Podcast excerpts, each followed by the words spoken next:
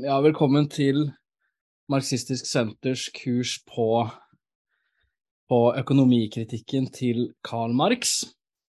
Eh, det er et kurs som består av fire, eh, fire foredrag eh, av meg, holdt av meg, og så etterfulgt av spørsmål og diskusjon, forhåpentligvis med flere enn meg i den delen. Så innholdsmessig så følger de fire foredragene sånn noenlunde de fire kapitlene i, i det heftet vi har gitt ut, eh, som da heter Kapital og arbeid grunnleggende emner i Marx økonomikritikk. Selv om jeg, der det er mulig, eller der jeg får det til, prøver å gjøre ting litt på en annen måte i foredragene enn i heftet, i håp om at jeg liksom kanskje kan gjøre ting litt mer litt pedagogisk, da. Og så vi har kanskje valgt et litt sånn knotete uttrykk for å beskrive det vi holder på med her, altså eh, økonomikritikk. Det ikke, brukes ikke så mye, men, men begrepet viser til undertittelen eh, til hovedverket til Karl Marx, Kapitalen, som da er kritikk av den politiske økonomien. En undertittel som Marx brukte for å annonsere at det han eh, skrev, på en og samme tid var en kritikk av det moderne økonomifaget og av de moderne økonomiske forholdene som økonomifaget speiler og beskriver. Og i brev så omtaler Marx også det prosjektet her, kritikken av den politiske økonomien, som det teoretiske grunnlaget for sin kommunistiske politikk noe jeg prøver å gjøre et poeng ut av. Da. For at det signaliserer at for å forstå eh, politikken til Marx, så må man forstå økonomikritikken. ikke sant? Eh, så jeg jeg har kalt det foredraget her 'Hvorfor vi trenger teoretisk teori'. Og begrunnelsen av navnevalget kommer nok fram underveis, men, men jeg kan begynne med å signalisere litt hva som er emnet for foredraget. Så alle fire foredrag eh, som jeg skal holde, handler om økonomikritikken til Marx. da. Eh, prøver å argumentere for at det er en teori vi trenger, eh, sånn i, i, i, det store og det hele. Men det her, er åpnings, det her er et åpningsforedrag, og i kraft av det så skal det liksom ikke handle så veldig mye om innholdet i eh, teorien til Marx, annet enn for å illustrere et poeng. Og dermed så vil ikke liksom det foredraget her vise direkte at det her er teorien vi trenger.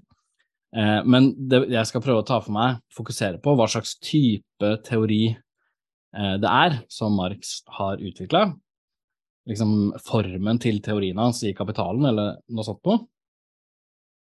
Og Marx antyder noe om det, altså når han, når han i et forhold til Kapitalen beskriver eh, bokas liksom rent, sitat, rent teoretiske standpunkt, som noe det er viktig å holde fast ved. Så det jeg vil vise, er liksom at det er en teori av denne typen, en teori av samme type som Marx har, eh, som vi trenger. Og så blir det et spørsmål for de andre foredraga om Marx ikke bare leverer på, på typen, på formen, men også på innholdet. Ok. Så jeg skal ikke jåle, mye, meg for mye til med sitater fra Theodor Adorno, men jeg unna meg to i begynnelsen, og så får jeg det liksom unna. Så skal jeg ikke drive mer med det. Men Adorno skriver i hvert fall tenkning er en handling, teori er en form for praksis. Så for å, for å beskrive eh, argumentet eh, vårt for å drive med det her sånn, er at vi, vi ønsker ikke å drive med teori, denne teorien, på tross av at det vi egentlig ønsker å gjøre, er å forandre samfunnet. Men det er heller omvendt. Vi forstår marxismen som en teori som har som mål at samfunnsforhold forandres i praksis, eh, og som mener at det å blottlegge disse forholdene teoretisk, eller som Marx da gjerne sier vitenskapelig, kan i hvert fall kan være et vesentlig bidrag til en sånn type praksis. Og i en eh, filosofisk refleksjon over nazismen og nazismens liksom, vekstbetingelser, Harald Adorno siste, siste, sitat, og liksom en relevant eh, kommentar til eh, teorifiendtlige holdninger, som er et mulig startpunkt.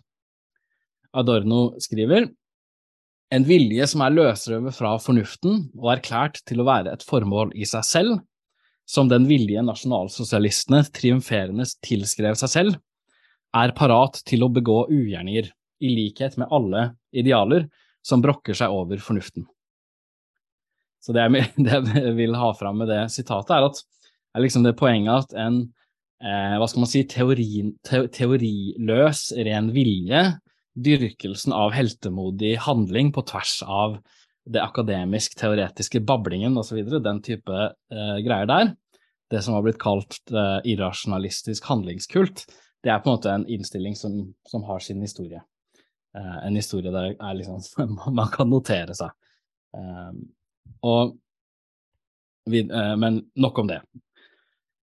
Så for å videre illustrere forholdet mellom teori og praksis, så kan det påpekes at, at måten man forstår Måten man forstår samfunnets problemer og onder, altså i hvilket årsakshierarki eller i hvilken årsaksrekkefølge man plasserer de problemene og ondene, setter betingelser, bestemte betingelser for hvordan man ser for seg å kunne løse disse i praksis. Så for eksempel hvis vi da sier en vanlig, tar en vanlig diagnose av, dagens, av, problemene i dagens kapitalisme, som er at det er lav vekst er, eh, og, og, andelen av spekulative og uproduktive investeringer vokser, og det er inflasjon, nå, i hvert fall nå, så, eh, og sier ok, hva er type årsaken til det, det problemet? Så hvis man plasserer de, den, det fenomenet i en årsakssammenheng, som forklarer det gjennom manglende konkurranse, så er det selvfølgelig en fullverdig løsning å styrke konkurransen.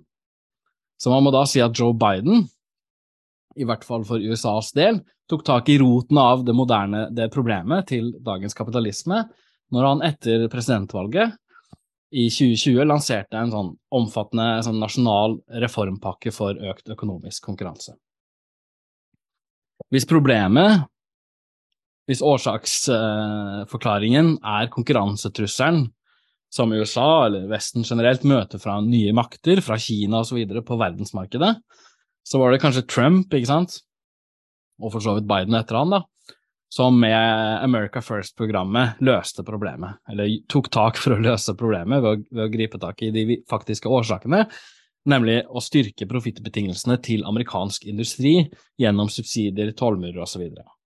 Sånn at, sånn at liksom måten, man, uh, i, uh, måten man forstår et problem, dikterer på en, annen, uh, på en eller annen veldig klar måte hvordan man kan tenke seg å løse det problemet. Bare som et sånt overordna poeng om hvordan teori og praksis henger sammen. Og samtlige av kapitalismens hva skal man si, slumrende motsetninger og problemer det som kanskje ofte går for å være kapitalismens negative aspekter, går gjerne under radaren i økonomiske oppgangsperioder, men kommer klarere til uttrykk i depresjoner, for ikke å da snakke om under økonomiske kriser. Og kriser har vært et regelmessig fenomen i et par hundre år, helt siden kapitalistiske forhold fikk viss, et visst liksom omfang og utbredelse. Men tendensen er likevel eller kanskje derfor, da, at toneangivende økonomer til enhver tid forklarer krisene bort som tilfeldigheter, og understreker at det ikke fins, eller antyder i hvert fall, at det ikke fins en nødvendig årsakssammenheng mellom krisene som kommer, og, og den eh, liksom, kapitalistiske økonomien som sådan. Så for at den som sådan tenderer til en sånn eh, likevekt, eller eh, noe sånt noe. Kriser har vært en regelmessig foreteelse de siste 200 årene, påpeker den engelske økonomiske sosiologen Simon Clark, men likevel blir hver, hver nye krise forstått som et utslag av en ny omstendighet, helt uten årsakssammenheng med forrige krise.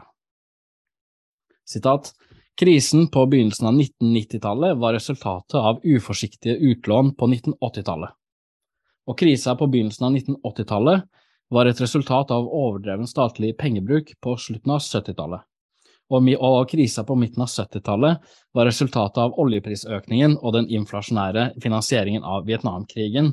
Krisa i 30-åra var resultatet av upassende bankpolitikk osv. Så videre. sånn at hver eneste krise får sin helt egen forklaring. Og uansett hvor ofte de gjentar seg, så er de alltid et utslag av tilfeldigheter, uten, en, uten, uten at de plasseres i en sånn nødvendig årsakssammenheng. Men, men, men, det er jo noe med det at krisene Ikke bare det at krisene gjentar seg, at det er åpenbart for liksom det blotte øyet at det er et regelmessig fenomen, men det er også åpenbart at krisene eh, har noen særegne egenskaper i, eh, i, et kapitalistisk samfunn. Jeg hadde en, en, slags illustrasjon, jeg vet ikke om det nesten ikke om det er nødvendig, men, men jeg eh, klarte å få det til. Ja. Eh, der Ser du den? Ja, vi ser den. Ja. Eh, bare for å illustrere forskjellen mellom eh, kriser før kapitalismen og etter. Nemlig at Nemlig at Nemlig at etter, den, etter, at den kapitalistiske produksjonen og sirkulasjonen av varer oppstår for et omfang, så, så det, blir ikke bare kriser liksom regelmessig, et regelmessig fenomen, men men de får liksom en helt, helt særegne kjennetegn og egenskaper. Før så handla krise alltid om at det var et underskudd av rikdom, et underskudd av livsmidler, og, og årsaken til krisen var at produksjonens eh, selve materielle forutsetninger var blitt ødelagt gjennom en krig eller et eller annet sånt noe. Mens etter eh, at kapitalismen har oppstått, så er jo kjennetegnet ved en krise at det er et mangfold, et, over, et overflod av varer i varelagrene som ikke kan selges til profitt. Ødeleggelsen av produksjonsmidlene er en konsekvens og ikke et, en årsak av krisa osv. Så, så liksom, det er noe med det som, som, som gjør, gjør, det hva skal man si, ønskelig å, å finne en forklaring. Um, her forresten, apropos det forrige poenget. Uh, prøvde å lage en, en, slags tabell for å illustrere det poenget, men, men ja, så, så um, Eh, det, det, innbyr til en slags forklaring, for å, for å, ta det For å si det på den måten. Og, og, og forklaringen av krisa må liksom kunne redegjøre for både hvorfor de gjentar seg plutselig, etter hvert som den kapitalistiske produksjonen, eh, samfunnstypen, oppstår, så blir det gjentagende fenomener, og de får da disse særegne egenskapene, ikke sant, som vi var inne på. Um, og og hva innebærer det? Hva, hva, må man gjøre for å få en forklaring? For å utvikle en sånn type forklaring? Um, og det er uh, Altså, det jeg skal ikke uh, holde foredrag om kriser, så det er, er liksom bare ment for å illustrere poenget. Men, men, det jeg mener er at en forklaring, en, en løsning på det spørsmålet, på den gåten, som kriser f.eks. da representerer, er at man, man, den bare kan løses, besvares, på en teoretisk måte. Svaret kan bare utvikles som et element i en teori om samfunnet, og ikke bare ved å beskrive samfunnet sånn som det er, i anførselstegn. Så en teori om samfunnet er noe annet enn en beskrivelse av samfunnet. På samme måte som altså alle kan se et eple falle i bakken fra et epletre, men de har ikke av den grunn oppdaga tyngdekraften. De har ikke dermed forklart loven som viser hvorfor det skjer. De har bare konstatert at det skjer, og det er to forskjellige ting. Så årsaksforklaringen av krisen må etableres i forbindelse med en teori om samfunnet, og ikke gjennom en beskrivelse av det eksisterende samfunnet. Så Marx har en kriseteori, jeg skal ikke legge for mye ut om den, eh, men eh, for det det handler om er jo eh, hva slags type teori Marx har, men men, og, og, da særlig det teoretiske i Marx sin teori. Så da, altså da det som skiller teorien som teori fra en simpel beskrivelse av samfunnet sånn som det er. Så du kan beskrive en krise statistisk, vise hvor ofte de gjentar seg, hvordan befolkningen ser ut i de forskjellige tilfellene, antallet av fabrikkarbeidere og ditt og datt, uten at man dermed får en forklaring av årsaken. Du har bare konstatert det som et Eh, statistisk faktum, du har beskrevet noen omkringliggende fenomener. Så det vi trenger er ikke en beskrivelse, men en teoretisk modell som forenkler, idealiserer virkeligheten for å bringe fram de relevante mekanismene og strukturene for det som skal forklares, som da i vårt tilfelle er kriser. Uh, og, og, vitenskapsteoretikeren Lesek Novak, som er kjent for å ha liksom grunnlagt idealiseringsperspektivet i moderne vitenskapsteori, oppsummerer det sentrale poenget når han sier at vitenskap ikke tar utgangspunkt i et liksom bilderiktig gjengivelse av virkeligheten sånn som den er, men i en forenklet karikatur av virkeligheten. Så vitenskap innebærer på en nødvendig måte å karikere virkeligheten for å kunne forklare eh, virkeligheten. Så det er for å begrunne hvorfor vi trenger en teori, og da ikke en teori i en, ikke teori i en liksom bred folkelig forstand av ordet, som et hvilket som helst eh, hva skal man si, eh, tankesystem som er, omfatter mer enn ti sider, men, men, teori i en litt sånn snever vitenskapelig forstand av det ordet. Altså teori som en måte å framstille virkeligheten å karikere virkeligheten, da, som Novak sier det, for å utvikle en forklaring. Og ikke bare som en beskrivelse av virkeligheten sånn som den er.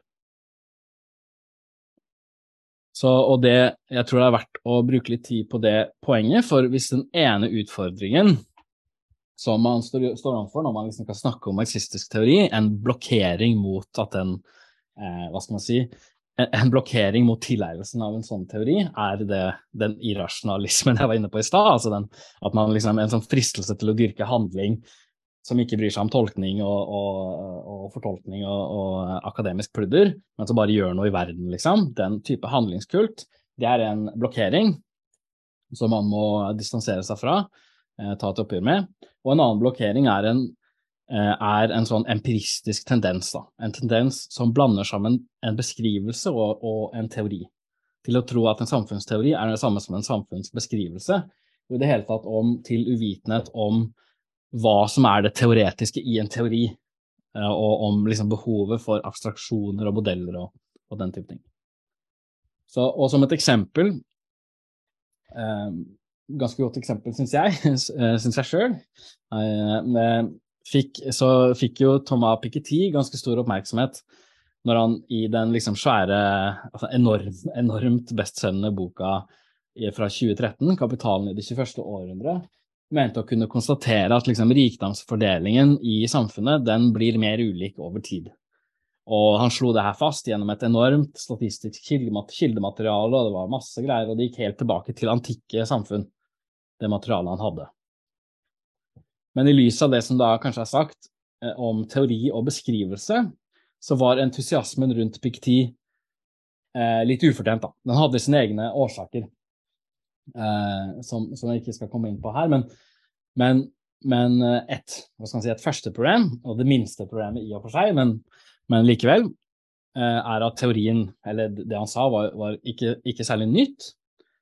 En ting er at Marx liksom, på sin side hadde, også hadde sagt at rikdommen konsentrerer seg over tid, men det hadde før Marx også blitt tematisert av veldig, veldig mange ulike skribenter.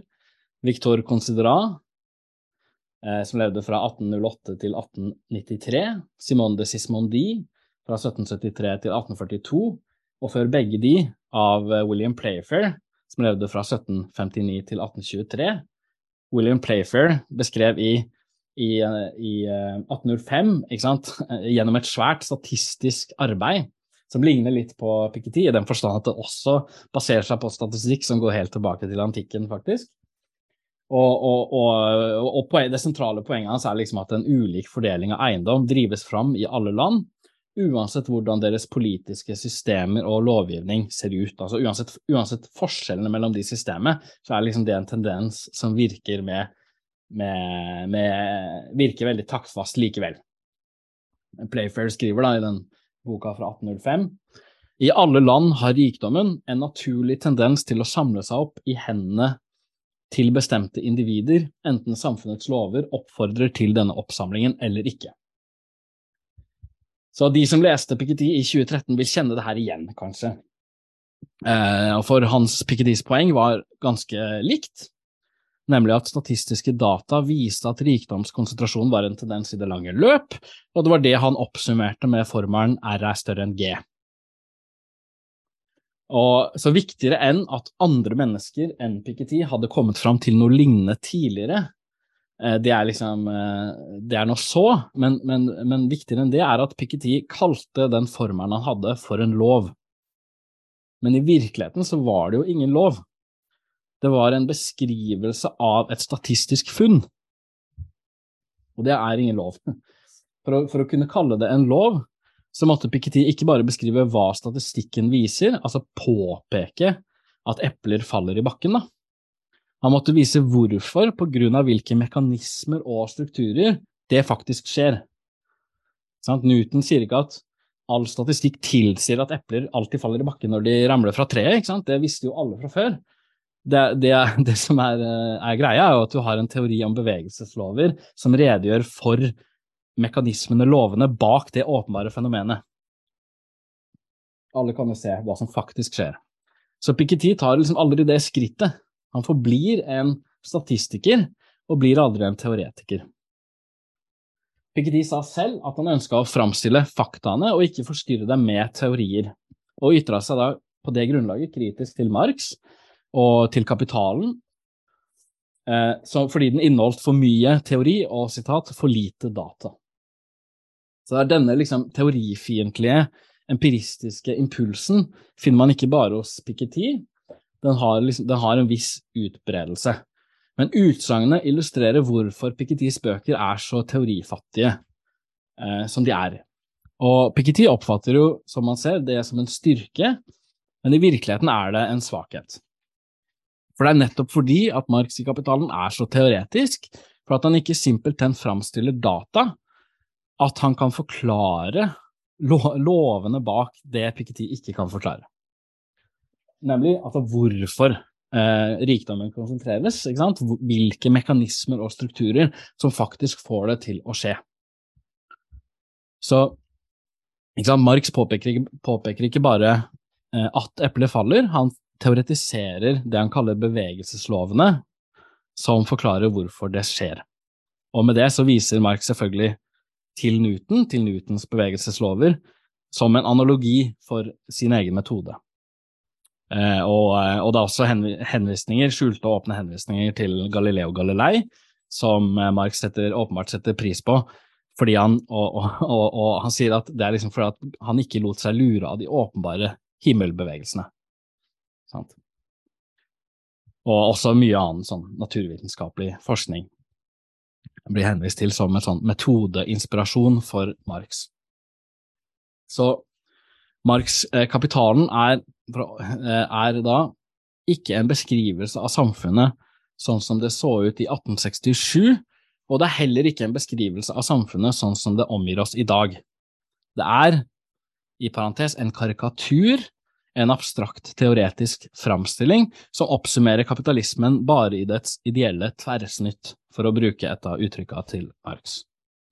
Framstillingen abstraherer bort fra ganske mange virkelige fenomener, fenomener i virkeligheten, og den forutsetter ved flere punkter ting om virkeligheten som simpelthen ikke stemmer, som er det Lesek Nova kaller idealisering. Og i sin store bok om vitenskapelig idealisering så beskriver Novak for øvrig Mark som liksom samfunnsvitenskapens Galileo Galilei, for at han mener at det var Galileo Galilei som brakte idealiseringsmetoden inn i naturvitenskapen, mens det var da Marx som introduserte den til samfunnsvitenskapen. Men det er nå så. Eh, så liksom det, Poenget da med det, det, med idealisering er at man kan si at f.eks. sentrale begreper i, i, moderne fysikk er idealiseringer mer enn de er beskrivelser av virkeligheten. Begreper som punktmasser, fullstendig rigide kropper, friksjonsløse overflater. Men poenget er at det uriktige man sier, de aspekter av virkeligheten som det, som det, forvrenger eller ser bort fra, ikke gjør en fundamental forskjell, og at de egentlig står i veien for at man kan se hvilke mekanismer, hvilke lover som faktisk gjør, som faktisk er utslagsgivende. Så ved å se bort fra dem på en idealiserende måte, så får man fram årsaksmekanismene, strukturene, og da kan man begynne å snakke om lover. Så sånn, Newtons antakelser kan virke urimelige på en sånn sunn fornuft-måte, men, men liksom, det er liksom fortsatt sånn at man, man, ved hjelp av de kan forutse hvordan gjenstander beveger seg, da, i hvert fall gjenstander som er sånn store nok til at mennesket ser de med det blotte øyet, og med, noen komplikasjoner der som, som liksom nyere fysikk eh, innebærer, men, men eh, sånn noenlunde, da. Og, og forenklingene til Newton da, det, det, innebærer jo da at de bringer oss ikke lenger unna virkeligheten, som det kan virke sånn, eh, for den sunn, umiddelbare, for den sunne fornuft, at, at han, han, bare liksom fører oss gjennom, inn i virkeligheten, inn i sånne abstrakte modeller. Men det, de får faktisk fram de forhold og mekanismer som virkelig styrer tingenes bevegelser, fører oss nærmere virkeligheten enn de, den metoden fører oss nærmere virkeligheten enn simpelthen det å betrakte verden liksom konkret og sånn som den er, da, som, som man liksom kan høre at noen, noen mener å foretrekke. Så gjennom en karikatur så utvikles innsikt i helheten, strukturen i verden. Og bare med det så blir det mulig å erkjenne verden konkret. Så derfor er det vulgært å, å tro at teoretisk tenkning, benyttelsen av abstraksjon, idealisering, som er det som er beskrevet her, at det fører unna virkeligheten, ikke sant? at det fører, fører oss bort fra virkeligheten. Det kan det gjøre. Det er mulig å teoretisere på en dårlig måte, eksempel hvis man utvikler en teori om det kapitalistiske samfunnet som ser bort fra profitt, når profitt i virkeligheten er det som faktisk driver både liksom de enkelte kapitalistenes handlinger, og som egentlig også styrer kapitalismens helhetsutvikling over tid. Så hvis vi ser bort fra profitt, så er, vil det være en dårlig idealisering, en idealisering som forhindrer forståelsen av det kapitalistiske samfunnet. Og det er ikke, eksempelet er liksom ikke tilfeldig valgt, for det er en idealisering du finner i, faktisk finner i økonomisk teori. ikke sant? Så bare for å, bare for å anerkjenne det, at, det finnes, at dette er, den type metoder kan brukes på en dårlig måte, kan føre feil av sted, men det, inne, men det er likevel ikke til hinder for at abstraksjon, idealisering, som redskaper vitenskapen benytter seg av når den karikerer virkeligheten for å forklare lovene i den, at de er nødvendige for å erkjenne verden konkret. Det er, det, er, fremdeles sant. Da. Og jeg vil kanskje si at ikke alle sånne type radikale kritikker av økonomifaget har, eh, nødvendigvis har en så god forståelse av det poenget. Men i hvert fall, Marx er ingen eh, idealist. All erkjennelse stammer for Marx fra erfaring, fra menneskets kontinuerlige observasjon og bearbeiding av sine ytre omgivelser. Men erfaringen avslører ikke i seg selv umiddelbart de underliggende årsaksforholdene og strukturene. Hvis det var tilfellet, så ville man jo ikke trenge vitenskap. Og det gjelder eh, da like mye for samfunnet for som for naturen. Så Mark skriver derfor at liksom, all, citat, all vitenskap ville vært overflødig dersom tingenes framtredelsesform og vesen var direkte sammenfallende. Så jeg har Skal vi se har litt mer powerpoint her, hvis jeg klarer å få det opp.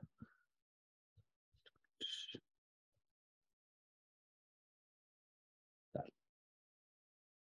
Sånn. Ja, som Marx påpeker, for det første, all, vitenskap ville vært overflødig hvis tingenes framtredelsesform og vesen var direkte sammenfallende. Og et annet sitat, da, hvor han gjør et lignende poeng, mange sitater av den typen her i Marx, men, men uh, i hvert fall. Dette er i forbindelse med en diskusjon av profitt og profittens kilde. Og Marx sier at ja, det virker paradoksalt, det er sagt her, og i strid med dagliglivets iakttagelser, det er også paradoksalt at jorda beveger seg rundt sola, og at vann består av to ytterst lett antennelige gasser. Vitenskapelige sannheter er alltid paradoksale, sett ut fra den daglige erfaring, som bare oppfatter tingenes bedragerske skinn. Det er liksom ett aspekt ved vitenskapssynet her. Og det andre aspektet, det her er jo da i eh, binena kapitalen. Um, kommer fram i tre andre sitater. Det, er, uh, blir mye lesing av sitater her, men, men, men det er noe så. Uh, få, uh, men hvor Marx da påpeker at fysikeren betrakter naturprosesser enten der de framtrer i sin mest pregnante form og mest mulig fri fra forstyrrende påvirkninger, eller, om det er mulig, gjennomfører han eksperimenter under betingelser som sikrer at prosessen skjer i sin rene form. Når en analyserer de økonomiske formene, kan en verken bruke mikroskop eller kjemiske reagenser. Abstraksjonsevnen må erstatte begge disse hjelpemidlene. Og da sist, jeg er litt gjemt bort i en fotnote, men det, men det er fra første bind i Kapitalen, det også, så skriver Marx her abstraheres det bort fra eksporthandelen, ved hvis hjelp en nasjon kan omsette luksusartikler mot produksjons- og livsmidler og omvendt. For å kunne oppfatte emnet for denne undersøkelsen i dets rene form, uforstyrret av sideomstendigheter, må vi her betrakte hele handelsverden som én nasjon, og forutsette at den kapitalistiske produksjonen har fått fotfeste overalt, og at den har underlagt seg samtlige industrigrener. Så for å eh, på en måte systematisere det vitenskapssynet som Marx har ut, forutsetter her, da, så vil jeg si at de to første sitatene illustrerer et sånt overordna syn på vitenskap, nemlig at vitenskap er nødvendig fordi mennesket ikke kommer til bunns i virkelighetens struktur bare ved å se, se overflaten av, se det liksom umiddelbart på overflaten. Man erkjenner ikke den kjemiske sammensetningen til vannet ved å betrakte det med det blotte øyet, ved å drikke det, ved å bade i det, altså i det hele tatt ved å omgå vann på en dagligdags måte. Vannets sammensetning blir først synlig når vannet, når man omgår vannet, behandler vannet på en liksom særegent vitenskapelig måte. Når man betrakter det i et mikroskop, utsetter det for eksperimenter osv. Og, det Marx åpenbart forutsetter, er at det, dette gjelder for naturlige fenomener like mye som det gjelder for samfunnsmessige størrelser. Det gjelder vannet, det gjelder også varen, pengene og profitten. Mens de tre siste sitatene illustrerer da, som eh, illustrerer en oppfatning av hva som faktisk skiller en vitenskapelig fra en hverdagslig måte å behandle en undersøkelsesgjenstand på, om det er vannet eller varen, da, for å si det sånn. Vitenskapen går i dybden av det man observerer, det finner strukturen, sammensetningen til det, mens hverdagsoppfatningen bare ser overflaten eh, den bedragerske overflaten. Og forskjellen stammer for Marx fra metoden. Hverdagsoppfatningen betrakter gjenstanden sånn som den umiddelbart framstår i dens liksom helt kaotiske sammenheng med alle mulige andre ting og fenomener, og i den forbindelse så er det helt umulig å skille vesen og overflate. Eh, lover fra tilfeldigheter osv. Så sånn. Mens derimot i, et sånn, i laboratorieforhold så kan du eliminere påvirkningskilder som skygger over mekanismene og lovene. Og dermed blir de, lov, de underliggende mekanismene, de underliggende lovene, mulig å se og erkjenne. Sant? Så en vitenskapelig befatningsmåte med en gjenstand kan da skille mellom vesen og overflate, mellom tilfeldighet og lov, fordi den benytter redskaper, eksperimenter, eller da abstraksjoner når det gjelder økonomiske fenomener, mener Marx. Sånn at tingene kan betraktes uten forstyrrende påvirkninger eller i deres rene form, som han sier.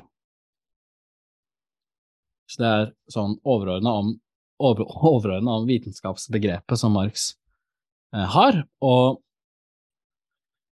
og i det hele tatt så blir det tydelig i Kapitalen at Marx ønsker å behandle sin undersøkelsesgjenstand det moderne kapitalistiske samfunnet på en vitenskapelig og ikke på en hverdagslig måte, for å si det sånn.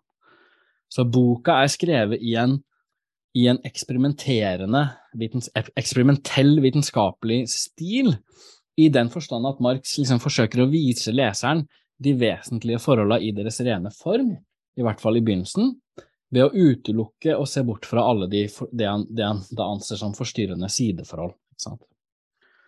Så i sitatet eh, overfor var det et veldig godt eksempel på det, og kanskje det viktigste, nemlig det at Marx antar at verdensmarkedet økonomisk sett er én nasjon, altså at det ikke finnes flere nasjoner, og dermed at det ikke finnes import og eksport.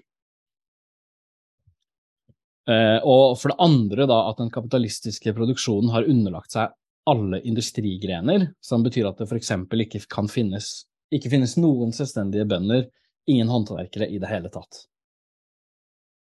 Så det er jo ikke antakelser som stemmer overens med verden, verken i 1867 eller i dag, verken i Tyskland eller, eller Norge osv. Det er teoretiske, metodiske antakelser som, som gjennomføres bevisst, målretta, for å få fram det, de vesentlige forholdene, for å få bort forstyrrende påvirkninger som står i veien for å se, se kjerna. Da.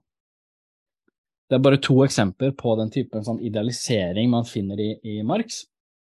Eh, en, en, noen andre eh, Marx antar f.eks. at det ikke finnes kapitalister som også er arbeidere, eller arbeidere som også er kapitalister.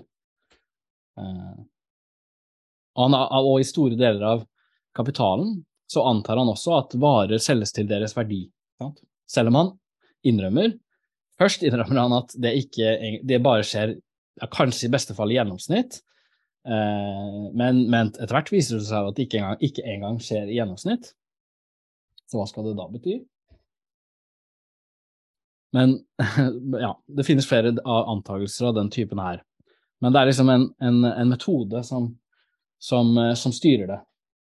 Det er det Marx kaller abstraksjonsmetoden, og som eh, Novak eh, kanskje, kanskje i hvert fall har noen har en del likhetstrekk med det vitenskapsteoretikeren Novak kaller idealiseringsmetoden. Den, um, så, og jeg tror det er viktig å liksom ha, en, ha i mente at det er en sånn metode her, fordi misforståelser av et sånt metodespørsmål vil komme til uttrykk seinere, eh, og da i forsterka form, som en misforståelse av innholdet i teorien. Det skjer f.eks. Eh, regelmessig, for å si det litt sånn sleivete, at, at en og annen skribent oppdager at det finnes, faktisk finnes arbeidere som også er kapitalister, og at det finnes kapitalister som også er arbeidere.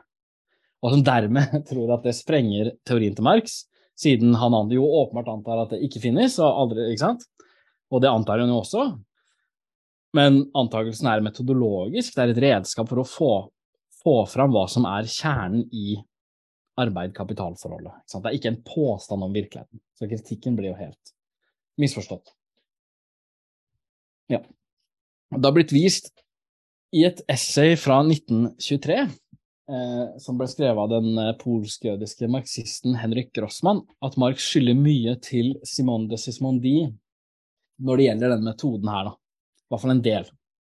Eh, met, altså metoden Marx bruker for å undersøke økonomiske fenomener, det han da har kalt abstraksjonsmetoden.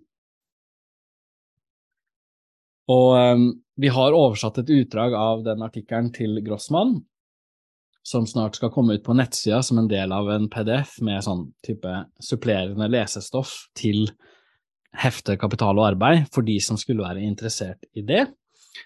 Og i det som følger, så skal jeg uansett, uh, uansett om dere er interessert i det eller ikke, gjengi noen av hovedpoengene i den artikkelen av Grossmann. Uh, så Sismondi var en sveitsisk økonom, og i en viss forstand så var han også en sosialist. Uh, født 1773, død 1842. Og lenge før Marx kom også da Sismondi fram til at det var nødvendig å analysere kapitalismen på en Eh, teoretisk abstrakt måte hvis, hvis, det skulle være mulig å forstå den. Han skriver i flere vendinger sånn som at sannheten er abstrakt og vanskelig å begripe, og kommer fram til at eh, man i teorien om det kapitalistiske systemet er nødt til å anta nettopp det, at, at eh, samfunnet, at alle samfunnsmedlemmer lever på en kapitalistisk måte, at de enten er lønnsarbeidere eller kapitalister. Så Sismondi visste selvfølgelig at en stor andel av befolkningen på hans egen tid levde på ikke-kapitalistiske måter, at de levde for eksempel i husholdninger hvor de i stor grad sørga for sine egne behov, og kanskje bare solgte et overskudd på markedet for å kjøpe redskaper og litt annet, og han, og han kjente også andre økonomiske systemer, systemer som føydalisme, selvstendig håndverk osv. Rester og rester av alle disse her tinga fantes i datidas Sveits, som han kom fra, i Frankrike som han skrev mye om. Men han legger jo da merke til at noe annet har begynt å oppstå, selv om dette andre, dette nye, eh, som han sa, sitat, ikke engang er halvveis utviklet. Og det var den kapitalistiske produksjonen og sirkulasjonen av varer. Altså gry, det gryende økonomiske systemet hvor Arbeidere selger arbeidskraft til en kapitalist, og kapitalisten setter dem til å produsere varer og tjenester som selges for en profitt. Så det fantes innslag av moderne kapitalisme i datidas økonomi, men blanda sammen med ganske mye annet. Blanda sammen med selvstendige bondehusholdninger, blanda sammen med håndverk, rester av aristokratiske privilegier, med handelsmenn som drev med transitthandel, lokale kjøpmenn, pengeutlånere, et virvar av forskjellige typer økonomiske forhold. Også Sismondi la også merke til at disse fenomenene var ulike, selv om de i praksis, i det konkrete dagliglivet, på overflaten, var blanda sammen og eksisterte side om side i ett enkelt land. Så Sismondi påpeker derfor at en teori som bare forsøkte å beskrive hvordan det eksisterende samfunnet faktisk fungerer, ville bli veldig rotete og egentlig ikke så veldig interessant. Det var nødvendig å abstrahere bort alle de forskjellige systemene og utelukkende fokusere på det nye, på det kapitalistiske, på det systemet som baserte seg på lønnsarbeid, på produksjon av varer osv. Sismondi ser derfor bort fra størstedelen av den eksisterende økonomiske aktiviteten i sin samtid, og fokuserer utelukkende på de kapitalistiske elementene for å gjøre analysen, og analyserer da et forestilt, fiktivt samfunn som bare består av den typen elementer.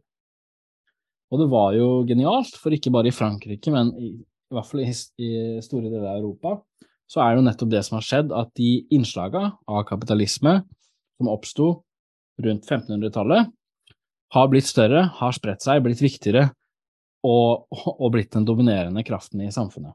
Selv om de da fremdeles ikke eksisterer alene.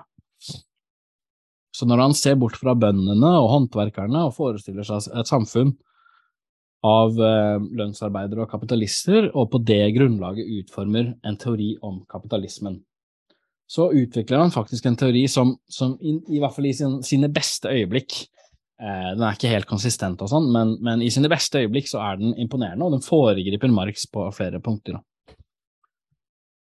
Og, og hvis man skal si det snakke om aktualitet, så kan man jo så er, kan man si, i en litt sånn overfladisk kvantitativ forstand i hvert fall, at Sismondis teori må sies å være mye mer aktuell og relevant nå enn det var da han utforma den, i den forstand at antagelsen han gjorde, stemmer bedre overens med virkeligheten i dag enn da han lanserte dem. At vi er nærmere nå et sånt det rendyrka kapitalistiske systemet han forutsetter. Og en kritikk av Marx som framføres med litt sånn jevne mellomrom, er jo da at han tilhørte Marx tilhørte jo 1800-tallet. Kapitalen kom ut i 1867, og den beskriver datidas virkelighet. Kan dermed ikke være relevant i 2023. For eksempel sier Jonathan Sperber i biografien Karl Marx A 19th Century Life fra 2013, sitat, det virker passende å spørre hvordan et dødelig menneske, og ikke en trollmann, Karl Marx og ikke Gandalf den grå, vellykket kunne se 150 eller 160 år inn i framtiden. Så, så, den innvendingen er jo nettopp da sånn naivt empiristisk, som var det jeg var inne på tidligere i forbindelse med Piketty, i den forstand at den antar, mye på samme måte som Piketty antok, at det eneste man kan gjøre er å beskrive økonomien i sin egen samtid, man kan notere innbyggertallet og gjennomsnittlig kapitalstørrelse og jeg vet ikke hva, ditt og datt. Og disse tallene endrer seg jo hele tida, dag for dag, kvartal for kvartal, år for år, sånn at ingen bok kan forbli relevant eh, spesielt lenge. Men det var selvfølgelig ikke det her som var Marx sitt prosjekt. Han ville ikke beskrive samtiden, men analysere de kapitalistiske forholdene, identifisere mekanismene og årsaksforholdene, lovene som styrer disse forholdene. Og til det så bruker han en metode, en metode som i hvert fall har en del likhetstrekk med Sismondi. Han forestiller seg et samfunn helt ulikt sitt eget, et rent kapitalistisk samfunn, og et samfunn hvor det dessuten ikke finnes noe utenlandshandel. Og gjennom det så belyser han samfunnsforholdene som eksisterte da, og, og, som fremdeles eksisterer nå. Og som kanskje eksisterer i, en, i, mye større omfang nå enn de gjorde da. Så Sperber antyder at det eneste som kan gi oss informasjon om samfunnet vi lever i, er liksom det nyeste og mest oppdaterte statistikkoversikten, og at eldre tenkere per definisjon blir irrelevante etter hvert som de eldres eldes. Og det er liksom da ingen mulighetsåpning, sånn som Sperber legger det fram, for at eldre tenkere, fra Thomas Hobbes til Adam Smith til David Ricardo til Sismondi og Marx, for, for å liksom nevne noen av de viktigste kapitalismeteoretikerne, allerede fra og med 1500-1600-tallet var i stand til å utforme teorier som i hvert fall delvis fremdeles er treffende, fordi teoretikerne ble utsatt for kapitalistiske forhold, og dermed kunne teoretisere og formulere innsikter om disse forholdene, innsikter som fremdeles kan resonnere fordi de omhandler forhold som fremdeles hefter ved det samfunnet vi lever i. I hvert fall. Så jeg begynte med debatten om eller ulike posisjoner på hva skal man si, kapitalismens problemer, og med det som mente jeg egentlig kapitalismens kriser, eh, som et eksempel, altså hvor, hvor, disse problemene, motsetningene som kapitalismen har, åpenbarer seg på en tydelig måte. Og diskusjonen om kriser er også eldre enn Marx, og Sismondi er også her en, en slags eh, forløper. Selv om det viktige i og for seg ikke så mye er kriseteorien han utvikler, men, men den teoretiske forståelsen han har av hvordan man forklarer en krise. Så en økonomisk krise markerer kan vi si, et avvik mellom forbruket og produksjonen i et gitt økonomisk system, og det var det forholdet som interesserte Sismondi.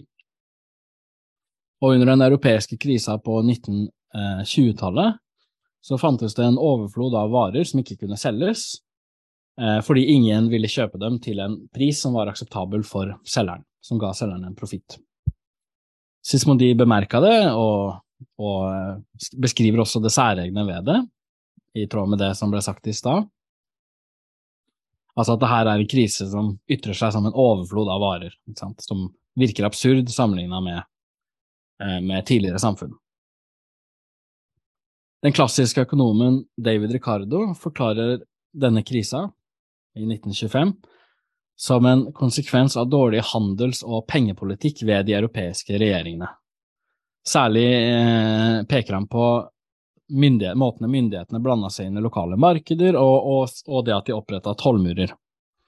Krisene hadde ingen nødvendig sammenheng med selve det økonomiske systemet, som i og for seg var et system som tenderte til likevekt mellom produksjon og forbruk, og dermed mothindrer og forhindrer kriser egentlig. Fri økonomisk konkurranse ville sørge for, ved hjelp av pris- og profittmekanismen, at produksjonen av produkter samfunnet har for lite av, vil øke, og at produksjonen av produkter samfunnet har for mye av, vil synke. Og etter hvert som kapitalister trekker seg ut av uprofitable næringer og går inn, går inn i profitable næringer. Så Adam Smith sa derfor at det var kapitalistenes kjærlighet til seg selv, deres egeninteresserte økonomiske atferd, deres egoisme, da, som sørga for alles beste, som sørga for at, at, det var en kontinuerlig likevekt mellom produksjon og forbruk, og at produksjonen til enhver tid dekker samfunnets behov i riktige proporsjoner. Krisa ble dermed tolka som en konsekvens av dårlig politikk, Kort sagt fordi Ricardo, på samme måte som Smith, var en, borgerlig økonom da, som oppfatta kapitalismen som, en, som, naturlig og nødvendig, og dermed også på en harmonistisk måte, som den beste av alle mulige verdener, kan man si. I debatten så utvikler Sismondi en skarp kritikk av den kriseforklaringen. Sismondi opponerer ikke mot Ricardo ved å undersøke de virkelige prisforholdene, eller ved å sammenligne liksom, konsekvensene av ulike tollpolitikk i ulike land, eller et eller annet sånt noe. Men han svarer Ricardo ved å konstruere et veldig teoretisk eksempel. Fordi han mente at det sentrale spørsmålet, spørsmålet om forholdet mellom produksjon og forbruk, bare kunne svares hvis man stilte det opp på en veldig teoretisk, abstrakt måte. Sånn som eh, Sismondi skriver i, i boka si, Sitat, spørsmålet jeg hadde reist var så kryptisk, så abstrakt, at jeg gjorde meg sårbar for de mest vanvittige tolkninger, men jeg har aldri tenkt at jeg skulle gi opp forsvaret av det som forekom meg å være sant, fordi sannheten var abstrakt og vanskelig å begripe.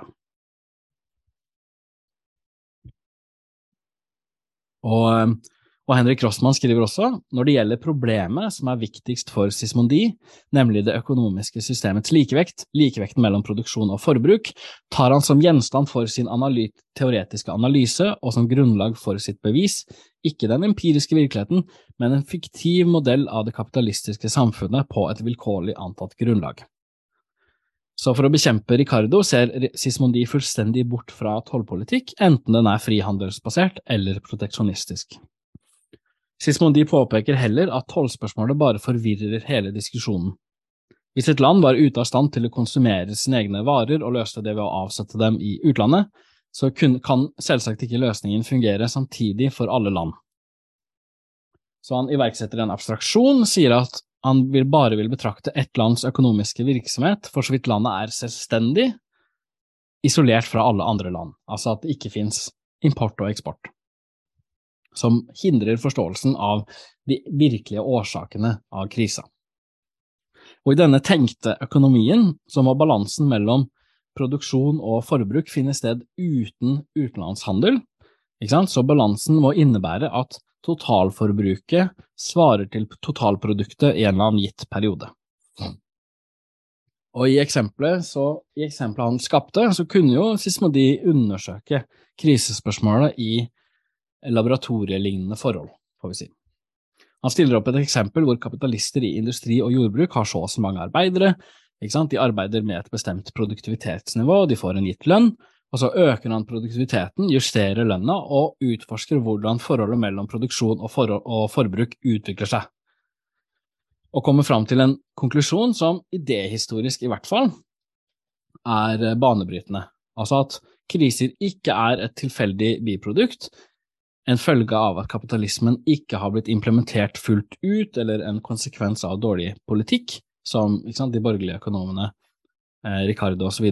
hevda, men at det var en nødvendig konsekvens, en uunngåelig del av systemet, fordi selve systemet var, altså et, i hvert fall sånn som Sismondi beskrev det, et markedsretta system hvor bruksverdier bare ble produsert i form av bytteverdier. For å oppsummere den teorien, som ikke er egentlig er det det handler om, men, men Sismondi forstår at bytteverdiens målestokk er arbeidet, arbeidstiden, mye på samme måte som Marx hevder det. Og dermed at produksjonens målestokk og drivkraft er bytteverdi, en variabel størrelse som endrer seg med arbeidets produktivitet. Og på den måten kan Sismondi vise at betingelsene for likevekt mellom produksjon og forbruk nødvendigvis blir forstyrra, idet produksjonen og utviklingen som baserer seg på bytteverdi, den variable størrelsen, blir altfor kaotisk til at likevekt er mulig i noe annet enn veldig korte tidsrom. Og her sånn så foregriper han utvilsomt Marx, som grovt sett eh, lignende poeng, og påpeker at kriser derfor er nødvendige for å gjenopprette likevekten, for å gjenopprette en slags økonomisk balanse i et system som er, er iboende kaotisk, og som regelmessig tøyer strikken, og som ikke kan unngå, ikke kan eh, på en måte holde seg unna det å tøye den for langt i liksom, regelmessige perioder. Så med Marx så blir krisa Jeg har, eh, skal vi se, jeg har en, eh, en powerpoint her òg, den er egentlig ikke så viktig, men jeg brukte litt tid på den. Så. Eh, der.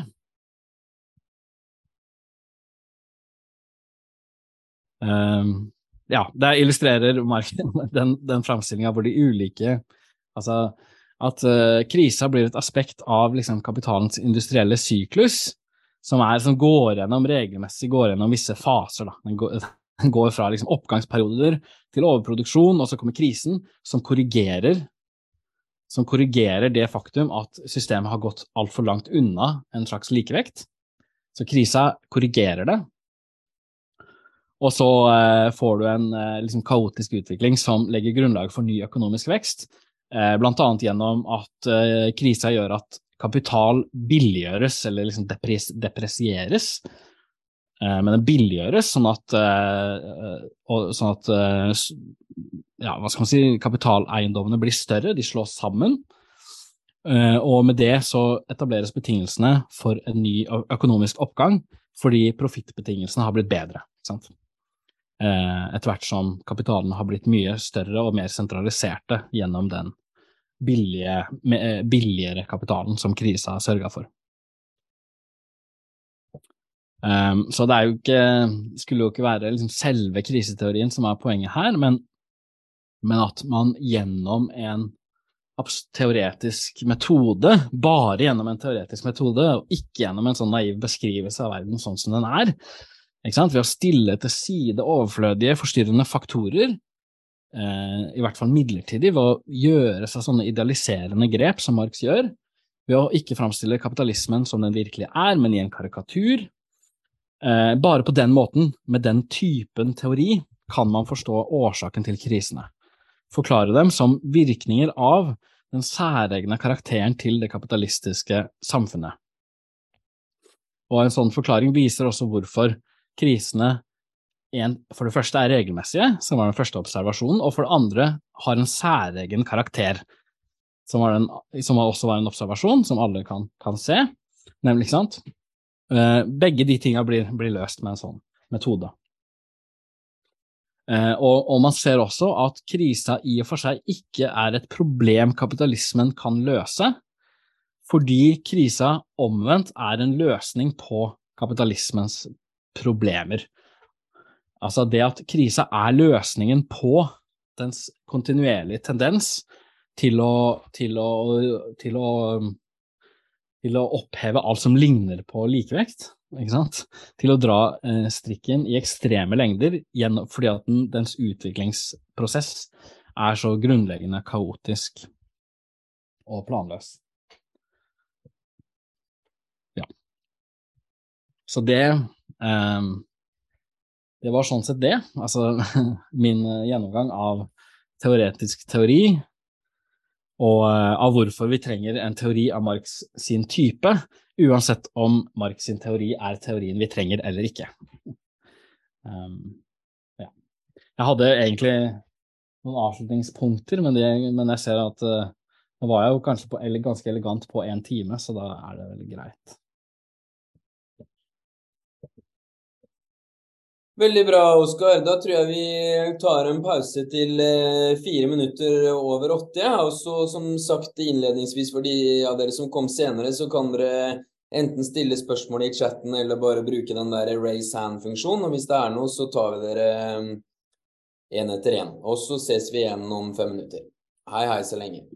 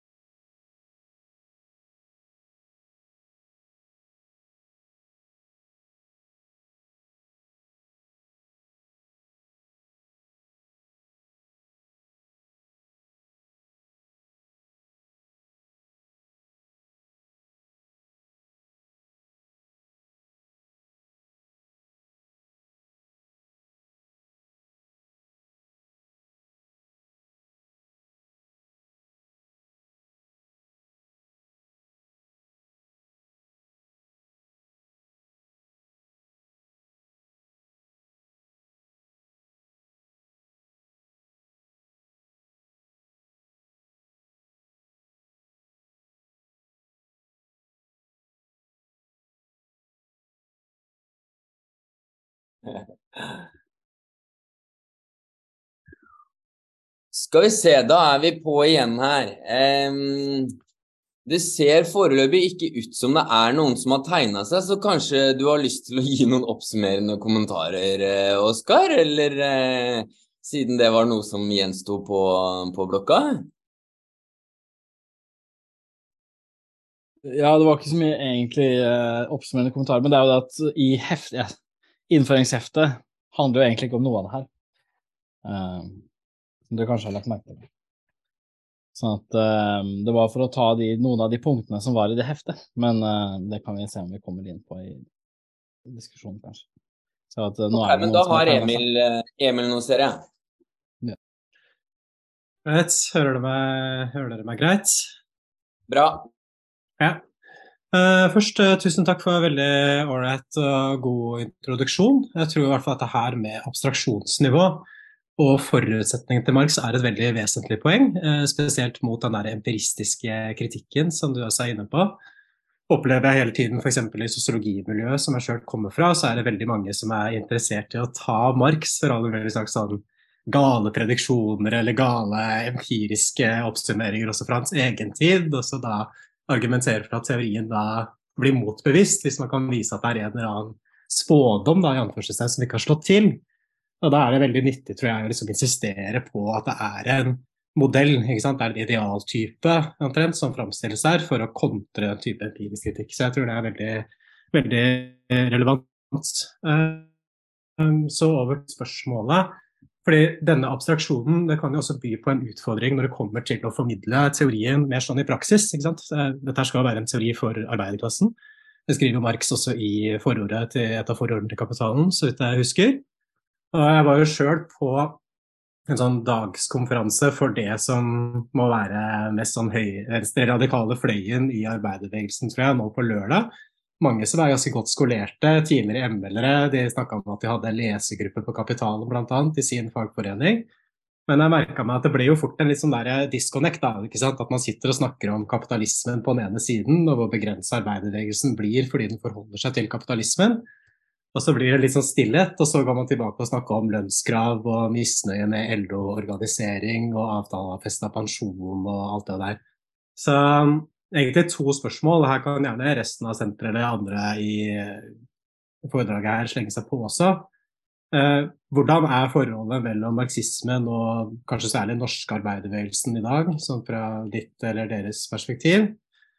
Og hvordan er det man kan gå fram for å gjøre det tross alt nokså abstrakte teoretiske rammeverket som Marx presenterer, mer relevant for direkte hverdag, da. Kanskje for direkte politiske saker som her og nå. Takk.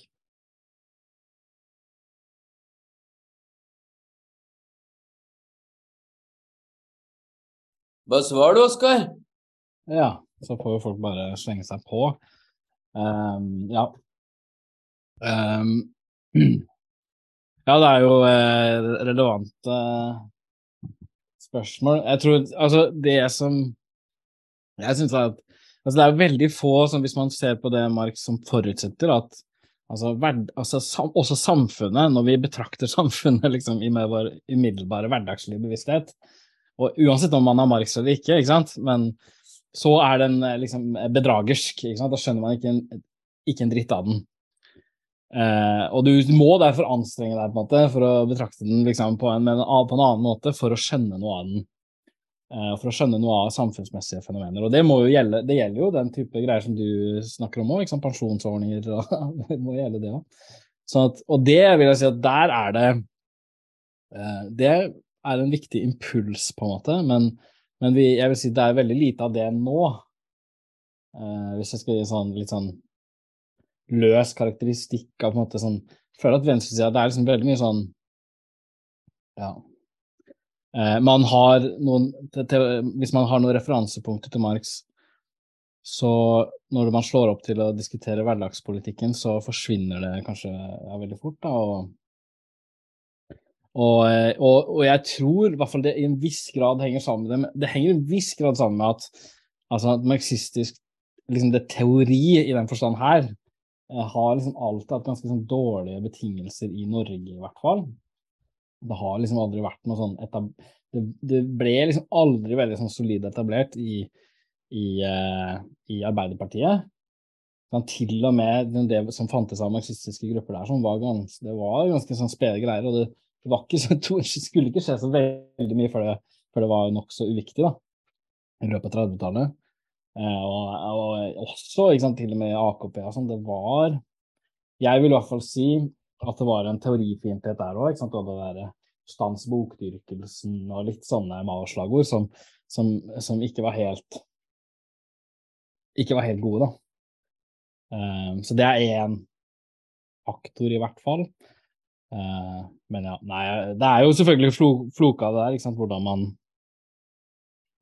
hvordan man prenter inn på en måte Altså at marxismen ikke er et, liksom, et, et, et, teorisystem som holder til på universiteter, men på en måte faktisk et redskap som brukes av arbeiderbevegelsen. Det er jo på en måte det vi alle Det er det er det som er målet, men vi er jo veldig langt unna en sånn situasjon i dag, i hvert fall.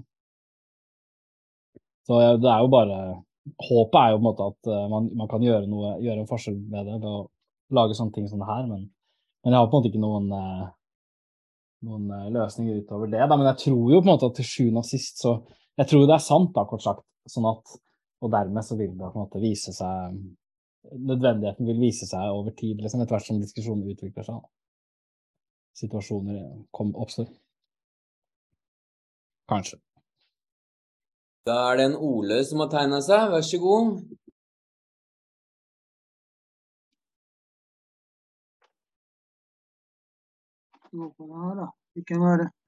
Hallo, jeg vil ikke komme på den der videoen din, da. Uh, ja, takk for et uh, godt foredrag, og litt til det som uh, Emil tar opp, da.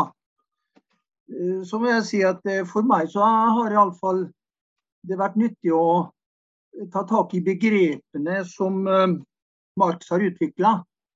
Og jeg syns eh, i eh, arbeiderbevegelsen så er, begynner begrepet vare å få mening.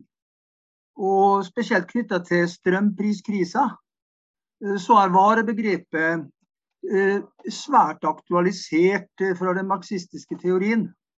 Med at folk begynner å forstå at det ligger noe bak Eh, det at disse prisene reiser av gårde når strøm blir en vare. Og det vi kan vente da videre, når vi i hvert fall snakker i arbeiderbevegelsen og i fagbevegelsen, der jeg hører til, eh, så er det å aktualisere når vann blir en vare. Altså når det blir kobla til den kapitalistiske verdisirkulasjonen. Og hva blir mer og mer kobla til sirkulasjon. Og det samme er eh, profittfri velferd når velferd blir vare. Så, så jeg opplever iallfall med den marxistiske teorien som jeg bruker i politikken og der jeg er, eh, at disse begrepene henta fra teorien til Marx er nyttig for å anskueliggjøre det som Oskar tar opp, det underliggende. Eh, det som vi ikke umiddelbart ser. Eh, og det oppfatter jeg at det blir mer og mer forstått blant fagorganiserte, og at de må knytte seg til denne teorien for å få forståelse for det som er framtredelser. Takk.